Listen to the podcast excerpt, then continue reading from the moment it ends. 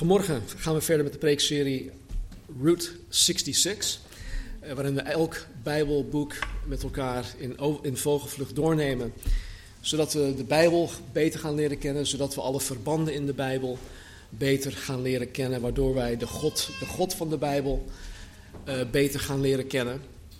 En het doel hiervan is, is om te groeien naar geestelijke volwassenheid toe. Jezus Christus wil niet dat wij geestelijke zuigelingen blijven of dat wij geestelijke kinderen blijven. Hij wil dat wij naar volwassenheid toe groeien.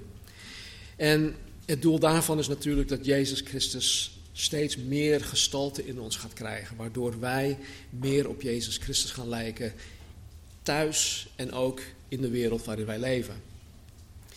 En vandaag gaan wij het Bijbelboek Prediker in vogelvlucht doornemen. En mijn hoop en mijn gebed is dat wij hierdoor gaan, gaan inzien dat een, een leven zonder vrees voor God absoluut geen echt en blijvende voldoening en tevredenheid kan geven. En, en dat alleen een leven dat God vreest, alleen een mens die God vreest en God dient, volledige voldoening, tevredenheid, rust, vrede en vreugde zal ervaren. Dus dat is de, de, de insteek, dat is de, um, mijn hoop voor uh, deze, deze studie. Even kijken hoor, ik ben uh, mijn slides ineens kwijt. Ja, ik heb ze weer terug. Oké. Laten we eerst de eerste 21 Bijbelboeken met elkaar op, opnoemen. Ja? 1, 2, 3, go. Genesis, Exodus, Leviticus, Numeri, Deuteronomium, Rut, 1 Samuel, 2 Samuel, 1 Koningen, 2 Koningen, 1 Kronieken, 2 Kronieken, Ezra, Nehemia, Esther, Job, Psalmen, Breuken, Prediker. Yay! Oké. Iemand uh, is, is um, met mijn slides aan het spelen. Hou op. um, nou goed, dat zijn dan de eerste 21. We zijn over de helft wat het Oude Testament betreft. Er zijn namelijk 39 Oude Testamentische boeken. En we zijn dus over de helft heen. Maar we zijn echt over de helft heen wat de Bijbel betreft. Qua uh, aantal woorden en verzen. Dat was eigenlijk vorige week al. Maar goed, we zijn dus nu op, uh, op Bijbelboek 21 en hierna komt um, Hooglied. En iemand in de gemeente die nu niet in de zaal zit, die zit echt te popelen om Hooglied uh, te gaan doornemen. Dus um, Vanaya, volg, volgende keer.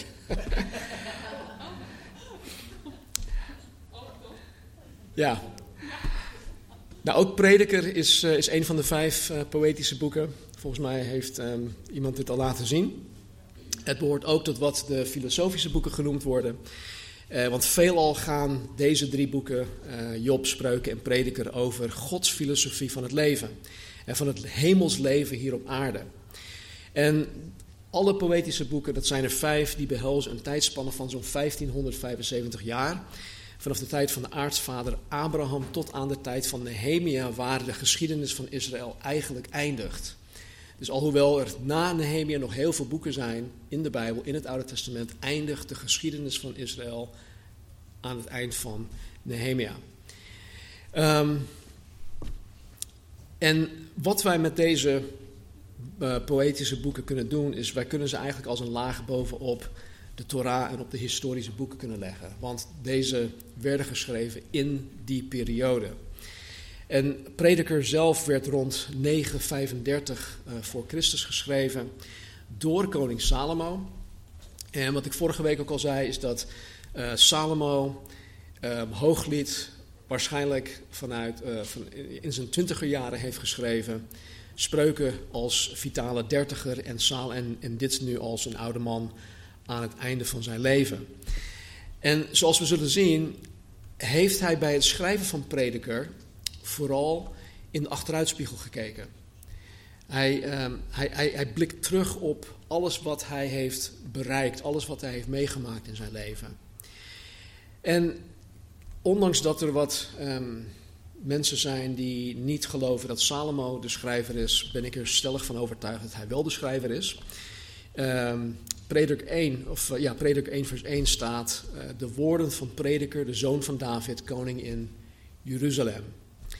Even verderop in vers 12 staat, ik, prediker, was koning over Israël in Jeruzalem. Nou, wat we moeten weten is dat koning Salomo de enige zoon van koning David was die in Jeruzalem over, over heel Israël regeerde. En want na Salomo regeerde zijn zoon, ik, ik ga het geheid fout zeggen, het is of Rehabeam, Rehabeam of Rehabeam of Rehabeam. We kregen ooit een, een e-mail van iemand die daarover struikelde. Dat het of door hem of door mij verkeerd gezegd werd. Dus anyway, Rehabeam, zijn zoon, uh, die regeerde dus na Salomo. Maar vanwege de splitsing van Israël uh, regeerde hij over het zuidelijk rijk. dus na Salomo was Israël voor de rest van haar geschiedenis verdeeld in het noordelijk rijk Israël. Dat bestond uit tien stammen. En het zuidelijk rijk Juda, dat bestond uit Juda en Benjamin. Het kan dus niet anders zijn in mijn optiek dat koning Salomo prediker geschreven heeft. Nou, even dit. Jullie horen Casper ehm, en mij vaak zeggen dat een van de belangrijkste zaken in het lezen van de Bijbel, in het interpreteren van de Bijbel, um, alles in, um, in, in de juiste context moeten zien dat wij uh, alles wat wij lezen in de juiste context moeten lezen en interpreteren. Dat wil zeggen dat je uh, niet één of twee versen leest en die probeert te begrijpen los van de context waarin ze geschreven zijn.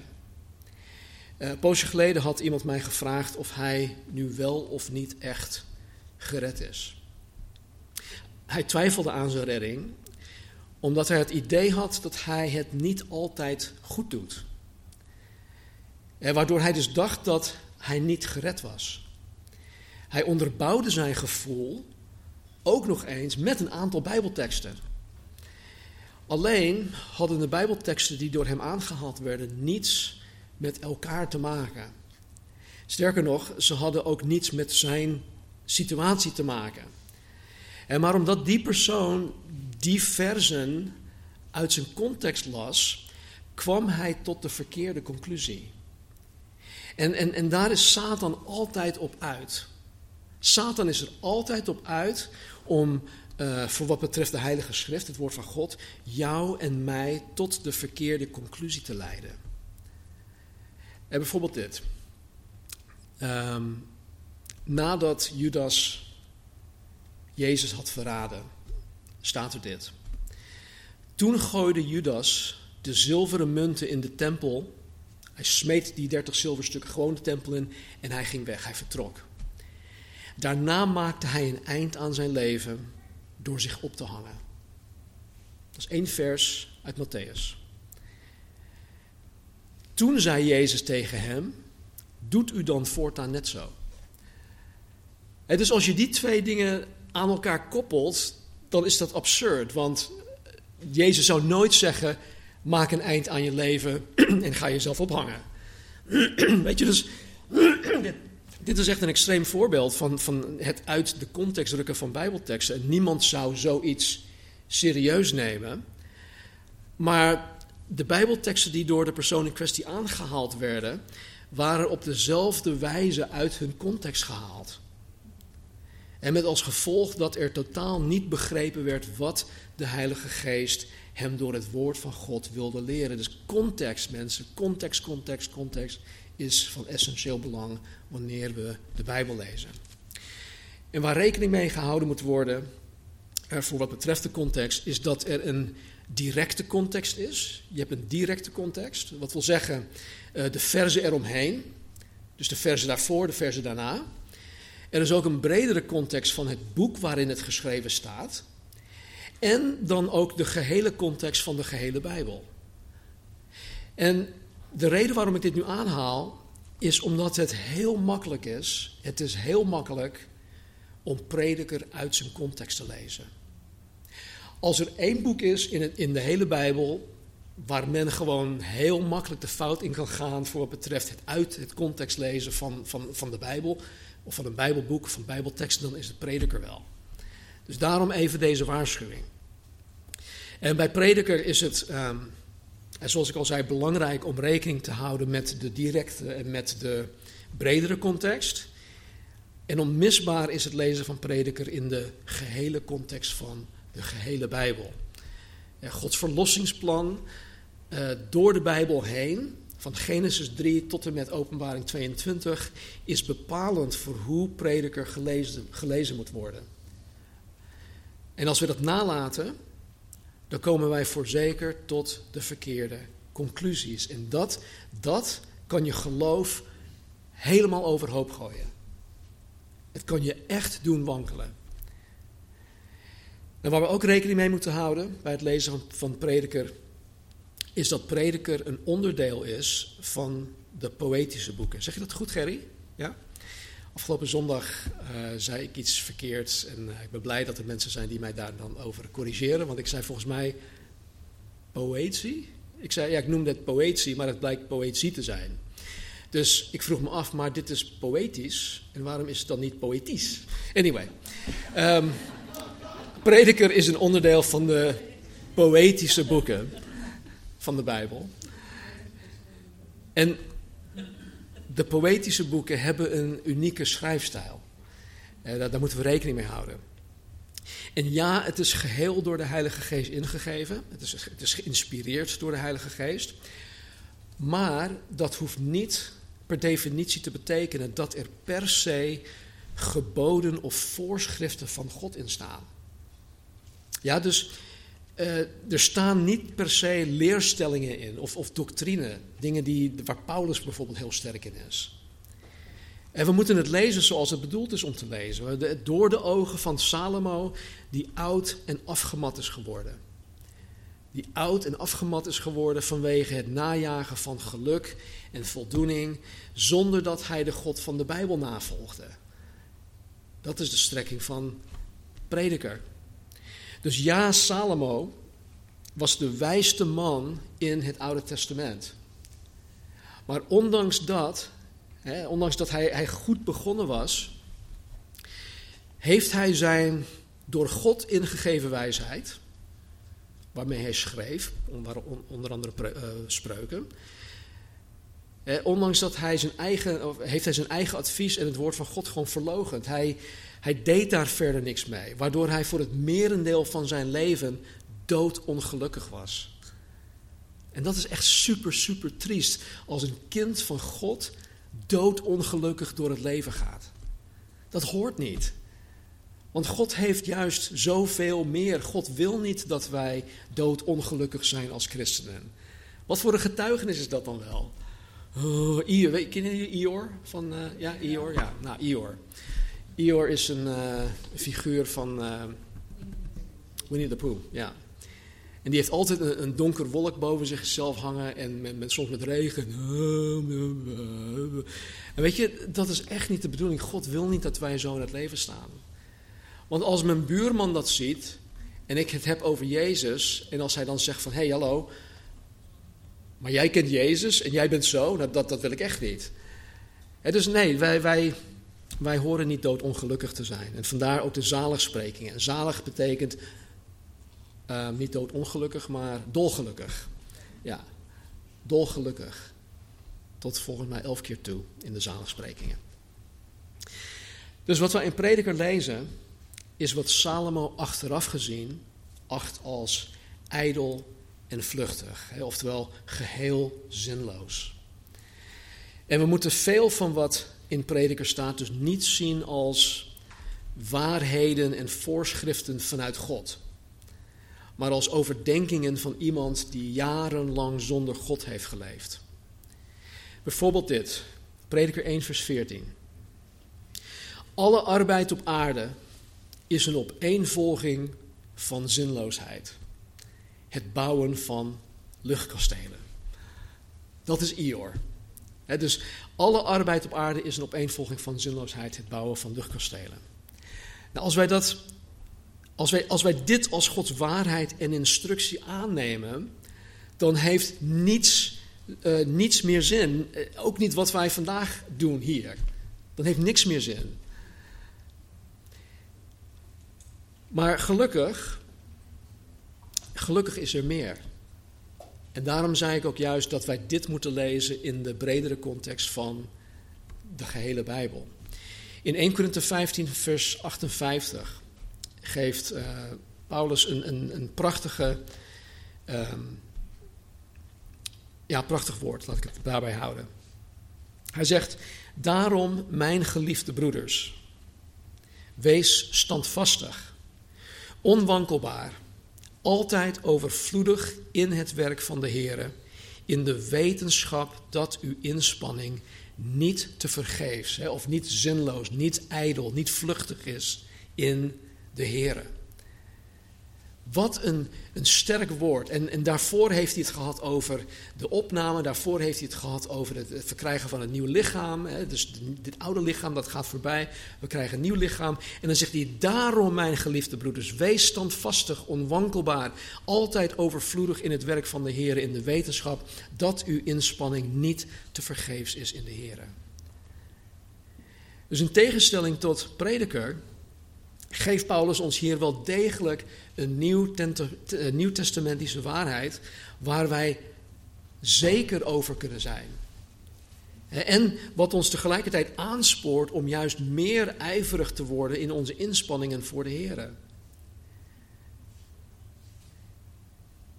Niets dat met de juiste motivatie in en voor Jezus uh, gedaan wordt, is ijdel. Of te vergeefs, of vluchtig, of zinloos.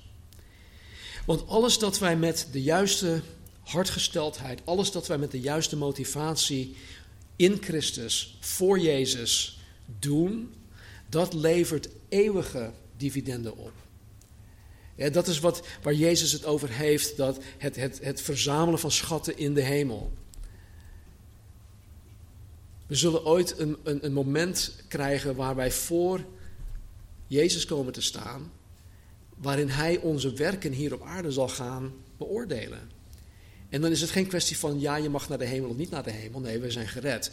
Maar er wordt een soort rekenschap afgelegd. En de, de, de werken die wij hier op aarde hebben gedaan, met de, de juiste motivatie, met de juiste hartgesteldheid, daar worden wij voor beloond.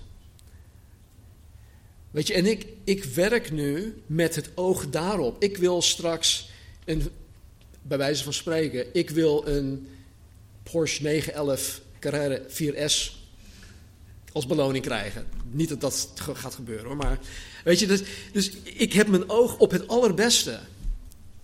En als je je oog op het allerbeste hebt, wat nog gaat komen in de, in de eeuwigheid, dan ga je je tijd niet verdoen aan nutteloze, zinloze, vluchtige, ijdele dingen hier op aarde.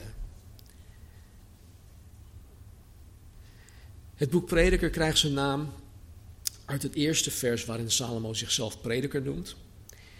En het Hebreeuws woord voor prediker is kohelet. En het heeft als betekenis verzamelaar van zinnen. dus je, je, hebt zinnen en je, je verzamelt ze. Of uh, het betekent ook spreker in een gemeenschap. Het betekent ook redenaar hè, of zelfs predikant. En het idee achter prediker is dat de boodschap over heel de wereld verkondigd wordt. Dat, dat moet toch bekend klinken in onze oren. Hè, dat de boodschap over heel de wereld verkondigd wordt.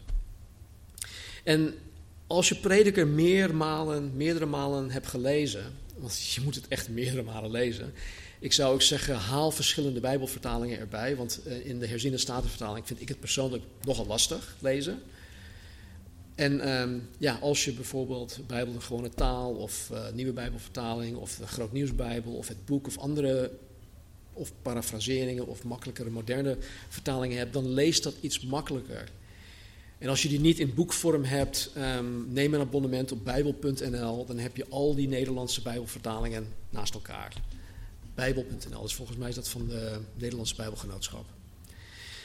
Dus wanneer je prediker leest, lijkt het dan meer op een, een dagboek of een preek in plaats van een, biografie. En terwijl de historische boeken ons inzicht geven um, in Salomo als koning, geeft prediker ons inzicht tot Salomo de mens. Wie hij is, hoe hij denkt, hoe hij in elkaar zit. En het is een opsomming van alles dat Salomo in het leven bereikt heeft. Nou, er zijn een aantal sleutels die ons kunnen helpen om uh, prediker te, te, te kunnen begrijpen. En de eerste sleutel is het feit dat het hele boek naar een hoogtepunt toewerkt. Het, is, het begint heel erg somber, het begint heel erg duister en Ior. Maar het, het, werkt naar een, een hoogtepunt toe. Naar een eindconclusie. En de eindconclusie is dit. Even kijken hoor, heb ik hem? Ja. De slotsom van al wat door u gehoord is, is dit. Vrees God en houd u aan zijn geboden, want dit geldt voor alle mensen. God zal namelijk elke daad in het gericht brengen. Met andere woorden, hij zal elke daad gaan oordelen. Met alles wat verborgen is. Dus inclusief alles wat verborgen is. Het zij goed, het zij kwaad. Dit is de, de keiharde conclusie van Salomo. En dit is uiteindelijk waar ieder mens rekening mee moet houden, of ze dat nu willen of niet. Want daarmee krijgen ze te maken, uiteindelijk. En geen enkel onderdeel van het boek Prediker kan juist begrepen worden als het losgemaakt wordt van deze conclusie. dus wanneer we het lezen, moeten we dit op ons netvlies hebben. Hoofdstuk 12, vers 13 en 14. Nou, de tweede sleutel is het leven onder de zon. Het leven onder de zon. Deze uitdrukking wordt in de eerste tien hoofdstukken zo'n 29 keer door Salomo gebruikt. En het is de sleutel dat het geheim van het boek opent en alles dat Salomo nagejaagd heeft is daarop gebaseerd. Onder de zon. Onder de zon. En deze uitdrukking, onder de zon, betekent dat je het leven puur ziet op het niveau van, laat het even de begane grond noemen. Ja, de begane grond. Zonder enig benul van, van absolute waarheid, zonder enig benul van hogere morele waarden. En het laat alle vormen van verlichting door God achterwege. Er wordt totaal geen rekening gehouden met God. Het is hoe niet-gelovigen, ook anno 2021, het leven zien. En hoe zij door het leven gaan. En alles dat Salomo najaagde, al zijn bezigheden waren beperkt tot op dit niveau. tot op dit niveau van leven. Onder de zon, aards, werelds, menselijk. En ondanks dat Salomo het woord God zo'n veertig keer noemt, slaat hij zelf geen acht op de Heilige Schrift, het woord van God. En wat zo opvallend is, is dat Salomo het woord Elohim gebruikt. Elohim is uh, een meer algemene term voor God. Het, het, wordt zelfs gebruikt voor andere goden, voor afgoden. Dus Gods unieke naam, Yahweh, wordt niet door de prediker gebruikt. Het komt nergens in prediker voor. En dus Salomo die, die praat over God in een, in een algemene zin zoals een niet-gelovige over God praat. Een niet-gelovige die de persoonlijke God Yahweh, de God van de Bijbel, niet kent en niet navolgt. Die zich niet aan hem schikt. Dus waar prediker uiteindelijk om draait, is de, de, de zoektocht van de natuurlijke mens, die geheel los van de God van de Bijbel de zin van het leven tracht te vinden. Hij is op zoek naar de zin van het leven, maar geheel los van de God van de Bijbel. Zijn kijk op het leven, zijn kijk op God, zijn kijk op normen en waarden, de moraliteit, geluk, dood uh, en de eeuwigheid, dat wordt geheel bepaald door het negeren van het woord van God. Hij laat dat volkomen achterwege. En hij ziet het leven puur vanuit een humanistisch en vanuit een materialistisch oogpunt. En zonder de openbaring die het woord van God geeft, zou een ieder van ons hier tot dezelfde conclusie over het leven onder de zon komen. En net zoals Salomo. En daarom is Prediker een doeltreffend boek voor evangelisatie. Misschien had je daar nooit aan gedacht. Hè, dat je als je het evangelie gaat delen met mensen, of als je zelf na wil denken over het evangelie, wat het betekent, dan zou je waarschijnlijk nooit op prediker komen. Ik, ik ook niet. Maar het is, het is een doeltreffend boek voor evangelisatie, want het laat ons precies zien hoe de natuurlijke mens, hoe de niet wedergeboren mens in het leven staat. En als wij, als wij dat weten, dan kunnen wij met de oplossing, het evangelie, daarop inspelen. Als je naar een reclamebureau toe gaat, dan is er altijd een probleem en een oplossing. En velen van ons die, die hebben dan alleen maar de oplossing op ons netvlies. Het evangelie. Jezus houdt van je. Jezus is voor je gestorven aan het kruis. En noem maar op. Alle dingen die wij dan met mensen delen. Maar als we niet eerst het probleem keihard neerzetten, wat voor zin heeft de oplossing? Ik heb jarenlang in de sales gewerkt. En als je met iemand in gesprek gaat over jouw product of over jouw dienst, dan heeft het totaal geen zin als zij, als zij zelf niet inzien dat zij een probleem hebben. Jouw oplossing, ja, dat, het zal hun worst wezen. Weet je, dus het is belangrijk dat wij weten hoe mensen in het leven staan, hoe zij zien, hoe zij denken, zodat wij daarop kunnen inspelen. Een zekere William MacDonald schreef dit. Ik citeer: Op een bepaald moment in zijn leven wilde Salomo de ware betekenis van het menselijk bestaan vinden. Hij was vastberaden om het goede leven te ontdekken. Maar er was een zelfverkozen voorwaarde voor deze zoektocht. Hij zou het zelf doen. Hij zou onder de zon op zoek gaan naar het hoogste goed in het leven. Einde citaat. Dus in principe vertegenwoordigt Salomo de humanist of de materialist die het leven geheel los van God probeert uit te leggen. En alle andere filosofen van de afgelopen eeuwen. Dus nogmaals, daarom is Prediker zo'n goed boek om te kennen. Omdat wij inzicht zullen krijgen in hoe mensen in de wereld om ons heen denken en waarom zij zo denken. Wij leven wat, wat genoemd wordt is in, in een postmoderne tijd. Verdiep je daarin. Want dat heeft heel veel bepaald hoe mensen tegenwoordig denken. Nou, de derde sleutel is de uitdrukking uh, een en al vluchtigheid. Zoals, of zoals het in de Statenvertaling staat, ijdelheid der ijdelheden. Ik vind dat veel mooier. Ijdelheid der ijdelheden. In het Engels staat er vanity of vanities. En het woord vluchtigheid in alle vormen komt zo'n 39 keer in prediker voor. En het betekent simpelweg damp. Damp of adem.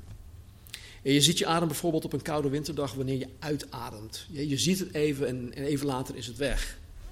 Het is vluchtig. En de vluchtigheid spreekt van alles dat in het leven vluchtig, ja, tijdelijk, onbevredigend en teleurstellend is. En voordat Salomo tot zijn eindconclusie komt, wat wij zojuist gelezen hebben in, uit hoofdstuk 12, eh, komt hij eerst tot meerdere andere conclusies. En hij komt eerst tot zijn conclusie dat het leven zonder God, eh, dat wil zeggen zonder rekening met God te houden, zonder God te willen kennen en dienen, zonder God te willen gehoorzamen, zonder God na te volgen, dat dat leven vluchtig en ijdel is.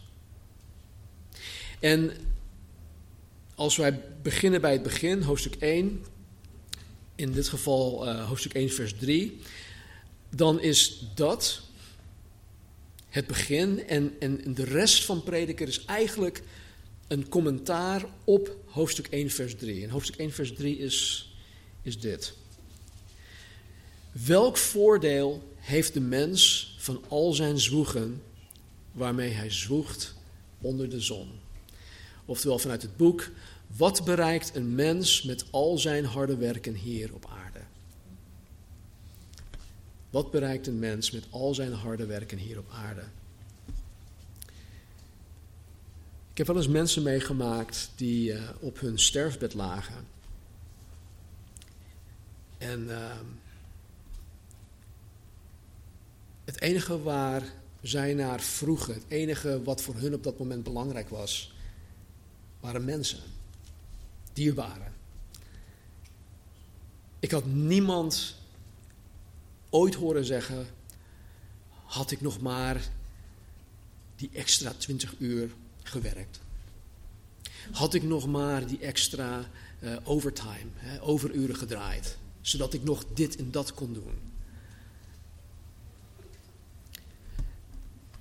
Mensen zeggen altijd, als ze spijt hebben, dan hebben ze spijt van, had ik maar meer tijd besteed met. Had ik maar meer aandacht geschonken aan. Het gaat nooit om het harde werken. En waar Salomo dan uiteindelijk op uitkomt, is dat een leven dat geleefd wordt zonder God een ijdel leven is. En met het oog op de eeuwigheid zal zo'n leven tot niets van waarde leiden. Het is leeg, het is vluchtig, het is ijdel. Nou, zekere J. Sidlow Baxter, hij wijst in zijn commentaar op tien algemene gebieden waarin Salomo de vluchtigheid van het leven zag. Hij heeft dat gecategoriseerd. En uh, omwille van de tijd ga ik vijf noemen. En de eerste is dit. De vluchtigheid van menselijke wijsheid, of terwijl eigenwijsheid. En dan baseert hij dat op dit, in hoofdstuk 2, vers 15 en 16. Toen zei ik in mijn hart, dus de prediker, zoals het lot van de dwaas ook mijzelf treft, waarom ben ik dan toen zo bovenmate wijs geweest? Ik sprak in mijn hart ook, dat was vluchtig. Er is immers voor eeuwig niet meer herinnering aan een wijze dan aan een dwaas. Wat er nu is, wordt in de dagen die komen allemaal vergeten. Hoe sterft de wijze met de dwaas? Oftewel, de wijze en de dwaas sterven op dezelfde wijze. Kortom, het is treurig. En maar de wijze sterft evenals als, evenals als de dwaas. Dus ook is menselijke wijsheid ijdel en vluchtig. Het is ijdel en het is vluchtig. Er is ook sprake van de vluchtigheid van het zwoegen waar ik het net over had. Het harde werken. En dan staat er in hoofdstuk 2, vers 21 dit. Een mens werkt hard met wijsheid, met verstand en met kennis van zaken. Maar hij moet uiteindelijk alles achterlaten voor iemand die er niets voor gedaan heeft. Ook dat is allemaal vluchtig. Het is een treurige zaak. Het is alles waar je keihard voor hebt gewerkt. Alles dat je daarvoor hebt moeten opofferen om die lange uren te draaien, om die extra targets te behalen of om whatever.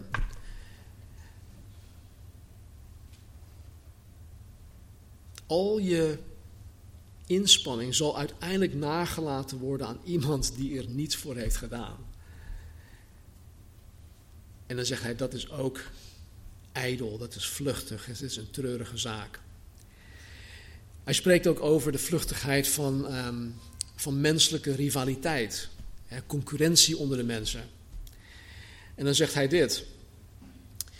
Verder zag ik van al het zwoegen en alle bekwaamheid bij het werk, dat het iemand afgunst oplevert van zijn naaste.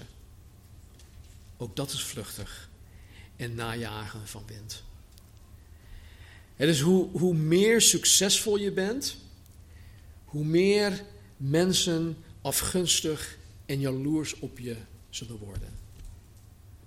Dat is zo ontzettend triest. We moeten juist blij worden voor mensen die, die succes boeken. Eh, eh, helaas gebeurt dit zelfs in de bediening. Mensen worden jaloers op de zegen en de overvloed die God geeft. Dat kan er bij mij echt niet in.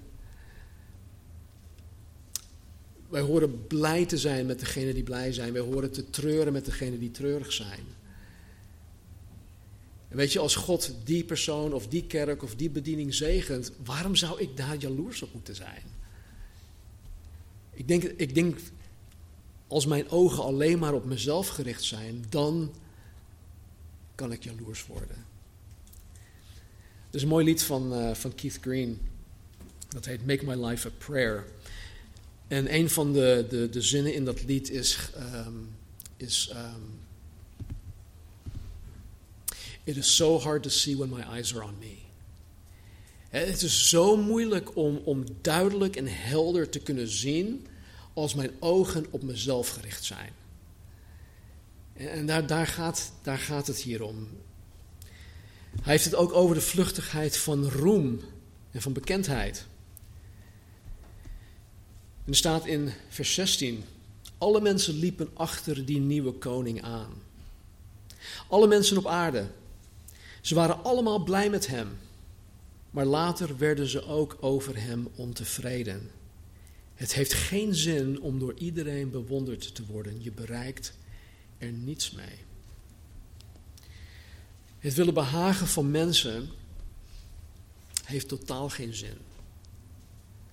Eh, daarmee bedoel ik niet dat wij mensen niet moeten liefhebben, dat wij er alles aan moeten doen om mensen lief te kunnen hebben, om jezelf te verloochenen omwille van de ander. Maar ik bedoel, als je erop uit bent om de lof en, en de, de erkenning van andere mensen te willen hebben, als je anderen wil behagen, dan heeft dat totaal geen zin. Dat zegt Salomo. En, en daarom is vrees voor mensen ook totaal zinloos. De Bijbel leert ons ook dat vrees voor mensen een valstrik is. Vrees voor mensen is totaal zinloos. Er is maar één die de mens moet vrezen en behagen, en dat is de levende God van de Bijbel. En nogmaals, begrijp niet verkeerd. Eh, ik bedoel hiermee niet dat wij gewoon lak hebben aan mensen om ons heen. Maar uiteindelijk moet onze ogen gericht zijn op diegene die wij moeten behagen. En dat is Jezus Christus. En wanneer dat je motivatie is, dan zal God je vanzelf gunst geven bij mensen. Het gaat vooral om gunst, het gaat om een goede reputatie, het gaat om een goede naam.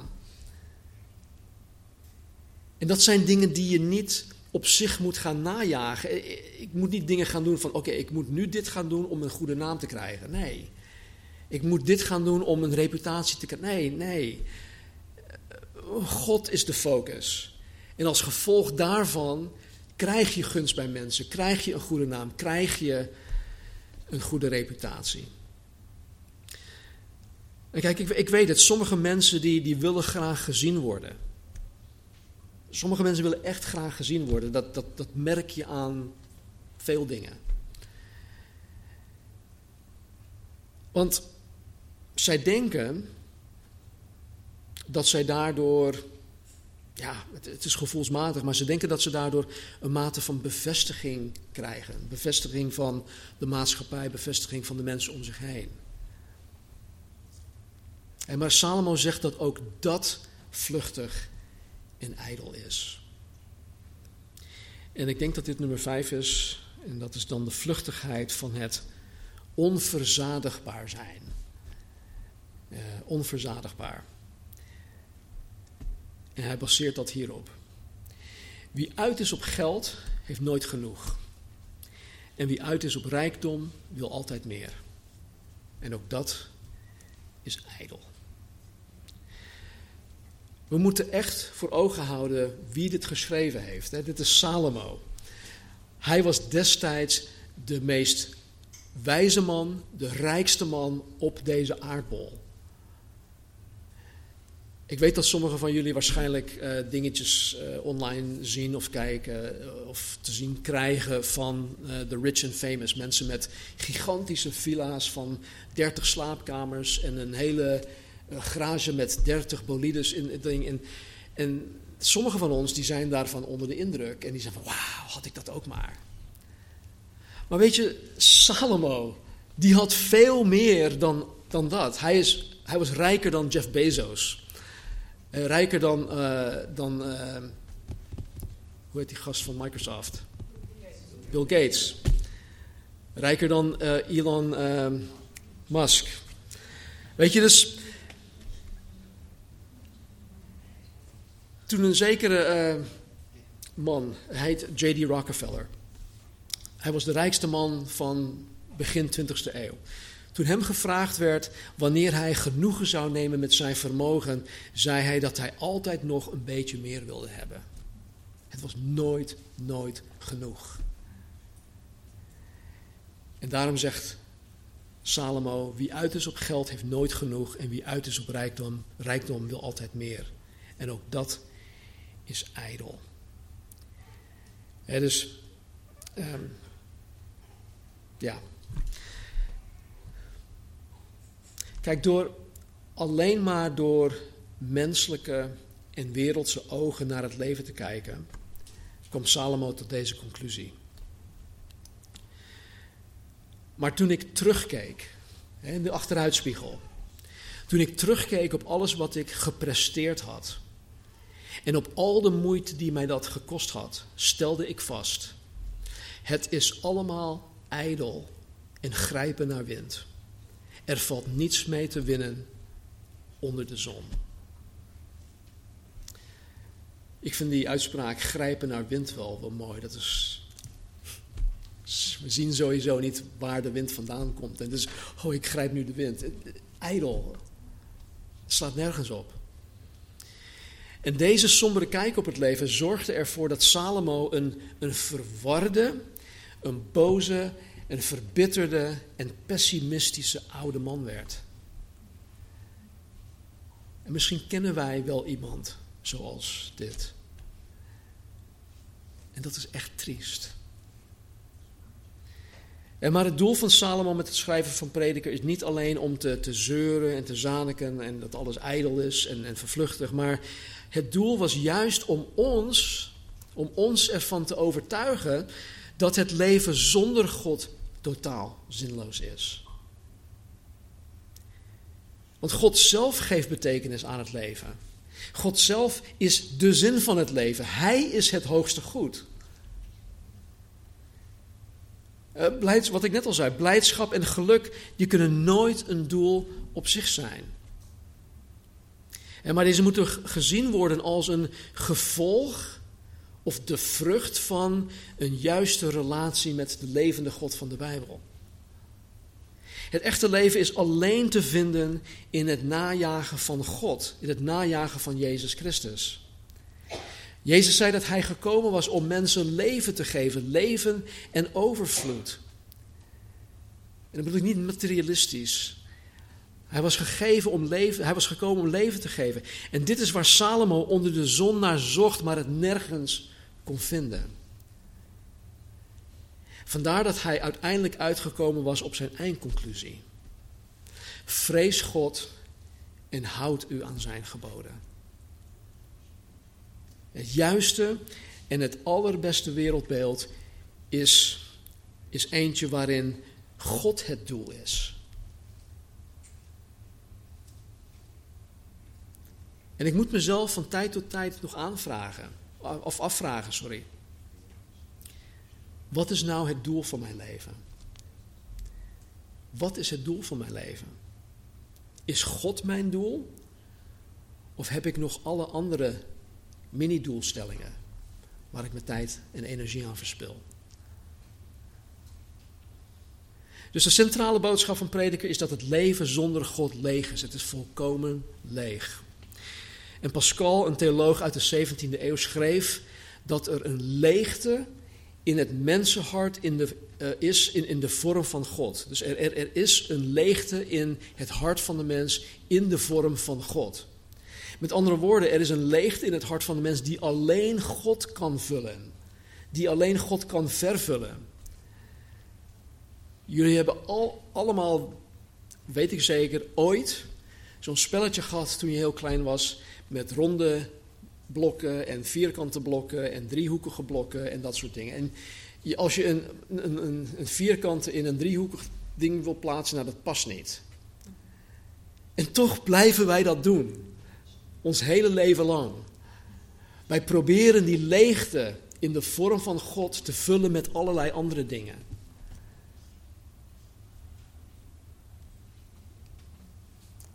Maar per saldo eindigen zij leeg en bankroet. Augustinus, nog een theoloog uit de 4e en 5e eeuw, zei: U hebt ons gemaakt, heren, voor uzelf. En onze harten zullen geen rust vinden totdat het in u berust. Jezus die kwam op een gegeven moment bij een, uh, een waterput en hij kwam een Samaritaanse vrouw tegen. Waar hij vanuit zijn godsdienst en religie en wet en zo eigenlijk niet eens mee mocht praten. Maar hij raakte met haar in gesprek en dan zei hij op een gegeven moment dit. Hij zei tegen haar: Ieder die van dit water drinkt, dus de water uit die put, zal weer dorst krijgen. Maar wie drinkt van het water dat ik hem zal geven, zal in eeuwigheid geen dorst meer krijgen. Het water dat ik hem zal geven, zal in hem een bron worden van water dat opwelt tot in het eeuwige leven. Mensen hebben bepaalde drangen. Voornaamste drang is de drang naar lucht. Ademen, dat gaat automatisch. Probeer je adem in te houden voor een minuut, dan, dan ga je merken hoe, hoe hard je adem nodig hebt. En mensen hebben ook een drang naar, naar eten. Maar de tweede is naar drinken. En we moeten ons gehydrateerd houden, vooral in, warme, in warm weer. En dus Jezus die weet dat. En hij zegt, als je van dit water drinkt, dan ga je geheid weer dorst krijgen. Maar het water, het levend water dat ik je geef, daardoor zal je nooit meer dorst krijgen. Met andere woorden, je zult vervuld zijn. Je zal niet meer verlangen naar X, Y, Z. Ik geef jou die verzadiging, die tevredenheid. Alleen Hij kan ons bevredigen en verzadigen. Alleen Hij kan die leegte in het diepst van ons binnenste eh, vullen. De apostel Johannes vat eigenlijk de hele boodschap van predikers samen in, in twee versen. In 1 eh, Johannes hoofdstuk 5, vers 11 en 12. Eh, even daarvoor heeft hij het over het getuigenis wat God ons gegeven heeft. Het getuigenis van Jezus Christus en, en, en al dat en, en de liefde. En dan zegt hij, en dit is het getuigenis, namelijk dat God ons het eeuwige leven gegeven heeft. En dit leven is in zijn zoon. Het is dus niet onder de zon te vinden, het is in zijn zoon. Wie de zoon heeft, heeft het leven. Wie de zoon van God niet heeft, heeft het leven niet. Dus alles onder de zon is vluchtig en ijdel. Maar alles in de zoon, niet de zon, maar de zoon geeft leven. Dat geeft eeuwig leven. En eeuwig leven is niet alleen voor altijd leven, wat het wel is, maar eeuwig leven begint op het moment dat jij je bekeert en dat je wedergeboren wordt. En het is een, een, een kwaliteit van leven waar wij nu al van kunnen genieten. Ik geniet nu aan deze kant van de eeuwigheid al van het eeuwig leven. Jezus zei in het hoogpriestelijk gebed in, in uh, Johannes hoofdstuk 17, ehm, en dit is het eeuwig leven, dat zij uw Vader mogen kennen. dus het gaat weer alweer om God. Het gaat altijd om God. God is ons doel. Dus wij kunnen nu al genieten van de kwaliteit van het eeuwig leven waar wij nu al bevredigd en verzadigd kunnen worden. Nou, tot slot dit. Dit is echt, dit is persoonlijk. Jullie kunnen hier doen, uh, mee doen wat je wil. Maar ik denk zelf dat het sleutelvers om de centrale boodschap en de les van prediker te, te kunnen begrijpen, dat, dat het sleutelvers niet eens in prediker zelf staat. En maar het staat nogmaals in de eerste brief van Johannes. En dan staat het in 1 Johannes hoofdstuk 2, vers 15 tot en met 17. Heb de wereld niet lief. En ook niet wat in de wereld is. Als iemand de wereld lief heeft, is de liefde van de Vader niet in hem. Want al wat in de wereld is, de begeerte van het vlees, de begeerte van, het, van de ogen en de hoogmoed van het leven, is niet uit de Vader, maar is uit de wereld. En de wereld gaat voorbij met haar begeerte, maar wie de wil van God doet, blijft tot een eeuwigheid. Tot zover. Die drie dingen, hè, de begeerte van het vlees, de begeerte van de ogen en de hoogmoed van het leven, dat zijn de drie dingen waarop Satan Eva mee had verleid. Dat zijn ook exact dezelfde drie dingen waarmee Satan Jezus mee heeft verleid. En, en dat zijn dan de dingen waarmee Satan ons elke dag opnieuw mee verleidt. Maar Johannes schrijft: De wereld gaat voorbij met haar begeerte. Maar wie de wil van God doet, blijft tot een eeuwigheid. Alles onder de zon zal vergaan. Alles onder de zon zal vergaan. Knoop dat heel goed in je oren. Volgens Jezus, volgens Petrus, volgens Johannes en nog meerdere zal ook de aarde waarop wij leven uiteindelijk geheel vergaan.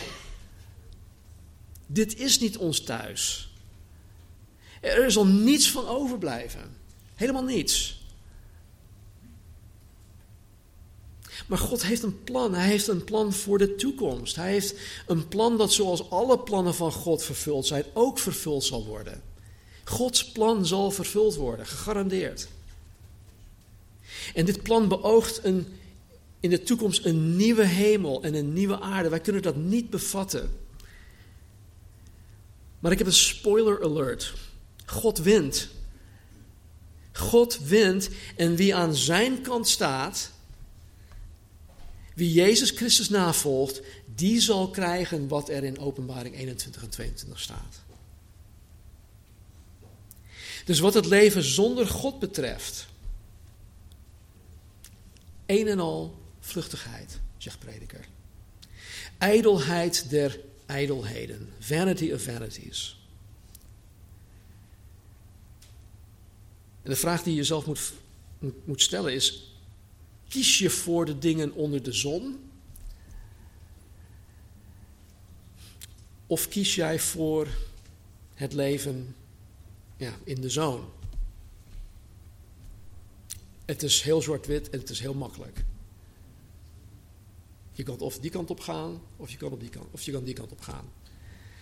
En ik weet het, vele mensen die christen, die Christus beleiden, die proberen die hele fijne lijn te bewandelen.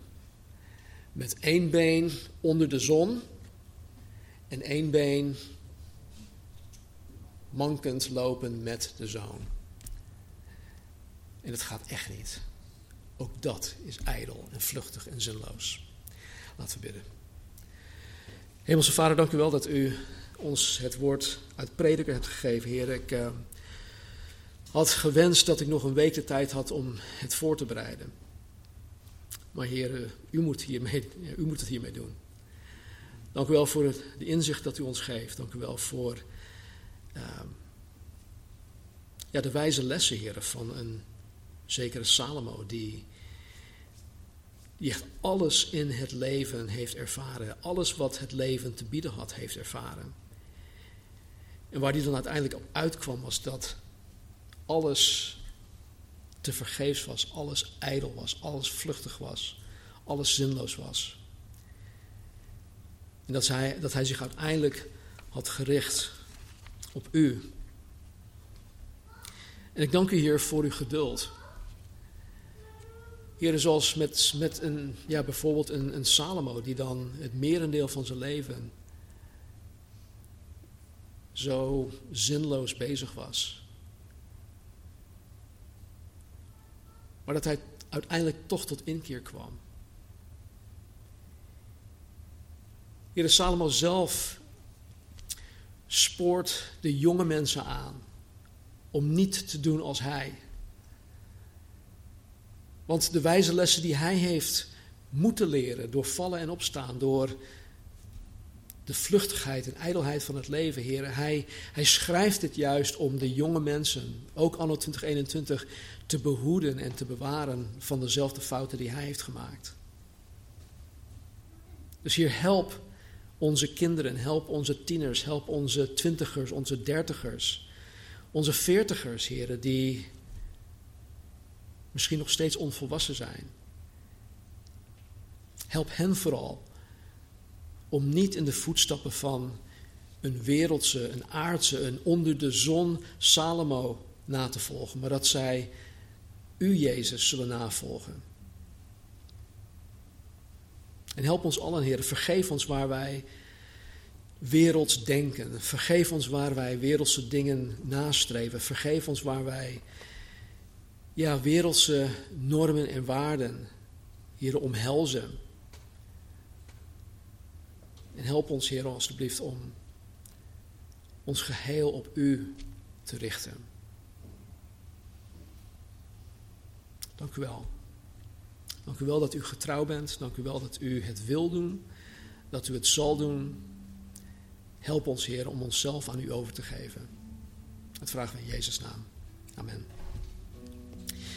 Eh, Casper zal nog een paar liederen voor ons zingen. Eén of twee, Casper? Eén. Twee. Maar ik wil afsluiten met iets dat, uh, dat gezegd werd door, uh, door Jezus zelf. In Matthäus 6 zegt Jezus: Verzamel geen schatten voor u op de aarde, waar mot en roest ze verderven. En waar dieven inbreken en stelen, maar verzamel schatten voor u in de hemel waar geen mot of roest ze verderft. En waar dieven niet inbreken of stelen, want waar uw schat is, daar zal uw hart zijn.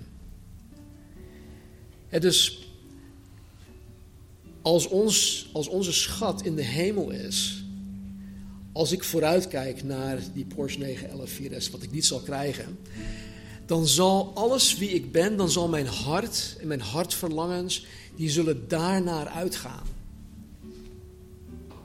Want waar uw schat is, daar zal ook uw hart zijn. Paulus zegt ook iets